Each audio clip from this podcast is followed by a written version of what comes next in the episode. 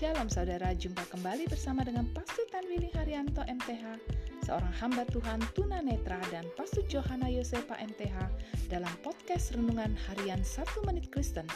Di dalam podcast ini, kami membagikan kebenaran dari Alkitab yang dimulai dari kitab kejadian sampai kitab Wahyu. Selamat menikmati.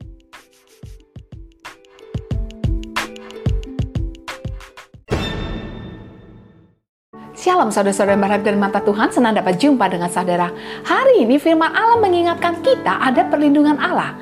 Tudung dan perlindungan khusus yang menaungi jemaat dilambangkan dengan tenda-tenda yang terbuat dari bulu kambing yang dibentangkan di atas kemah suci, serta tudung dari kulit domba jantan dan kulit lumba-lumba. Saudaraku, Allah telah menyediakan tempat bernaung pada waktu siang terhadap panas terik dan sebagai perlindungan dan persembunyian terhadap angin ribut dan hujan bagi umatnya.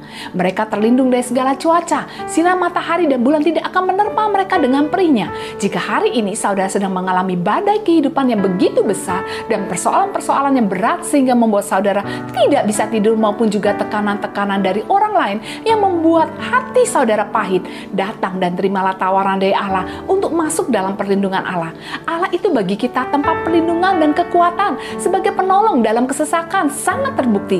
Jadi kita tidak usah takut sekalipun dunia ini hancur, berantakan dan gunung-gunung roboh ke dalam laut. Untuk itu, datang dan tinggallah di dalam perlindungan Allah. Amin.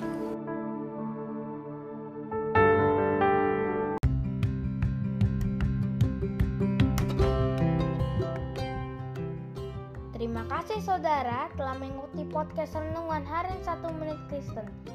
Doa kami, kiranya kebenaran yang saudara terima akan membuat saudara semakin berakar di dalam Tuhan dan bertumbuh dan berbuah lebat di dalam Tuhan.